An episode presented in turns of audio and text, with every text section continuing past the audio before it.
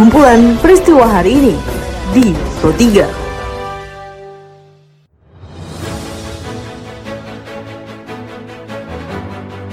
Halo pendengar, saat ini Anda sedang mendengarkan kumpulan peristiwa Pro 3. Pada podcast kali ini saya akan mengulas terkait isu-isu aktual yang saat ini masih hangat atau ramai diperbincangkan di sekitar kita. Tentu saja pendengar, nanti akan saya hadirkan cuplikan informasi dari reporter kami. Bersama saya Karisma Rizky, inilah kumpulan peristiwa Pro 3 di ruang dengan podcast Anda. Pendengar, sebelum saya masuk dalam beberapa isu aktual yang akan saya hadirkan sesaat lagi, saya akan mengundang Anda untuk mampir ke laman berita kami di rri.co.id. Anda juga bisa memfollow Instagram, Twitter, dan Facebook kami di @rri_programa3. Baiklah pendengar, inilah kumpulan peristiwa Pro 3. Pendengar Kementerian Komunikasi dan Informatika bertindak tegas terhadap konten pada digital berisi ujaran kebencian dan permusuhan terhadap suku, agama, ras, dan antar golongan atau SARA. Juru bicara Kementerian Kominfo Dedi Permadi mengatakan sejak tahun 2018 hingga tanggal 26 April 2021 kemarin, Kominfo memutuskan akses atau takedown terhadap 3.640 konten, termasuk yang diunggah oleh pelaku ujaran kebencian Joseph Paul Zhang. Dari tahun 2018 hingga 26 April 2021, Kominfo telah melakukan pemutusan akses atau takedown terhadap 3.640 konten yang menimbulkan kebencian atau permusuhan berdasarkan SARA. Dari 3.640 konten tersebut, di dalamnya termasuk pemutusan akses terhadap 54 konten yang diduga mengandung muatan kebencian dan permusuhan yang pertama kali diunggah oleh Yosef Paulzan. Pemerintah mengingatkan masyarakat untuk tetap patuh menjalankan protokol kesehatan kendati sudah divaksinasi COVID-19. Sebagaimana dalam peliputan reporter Pradipta Rahadi, juru bicara pemerintah Dr. Reza Broto Asmoro menghimbau kepada penerima vaksin COVID-19 untuk tidak takabur, merasa aman dari COVID-19.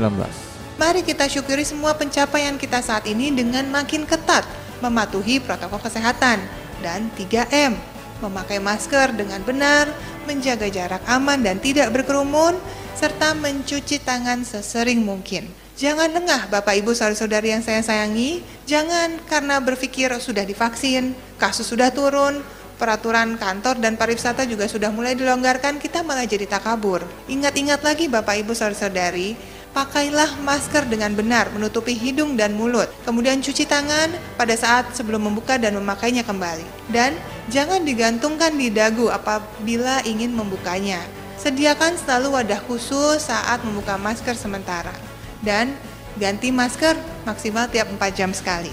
Juru bicara Satgas COVID-19, Profesor Wiku Adhisa Smito, meminta masyarakat menunda mudik lebaran 2021 karena khawatir COVID-19 menjangkiti orang lansia dan kelompok rentan lainnya. Silaturahmi dapat dilakukan secara virtual. Untuk masyarakat, mohon ditunda sejenak keegoan kita.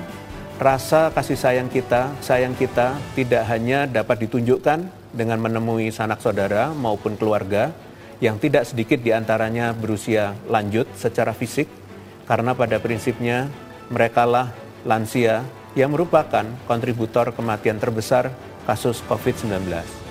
Kita tetap dapat bersilaturahmi, saling meminta maaf, dan bercengkrama secara virtual.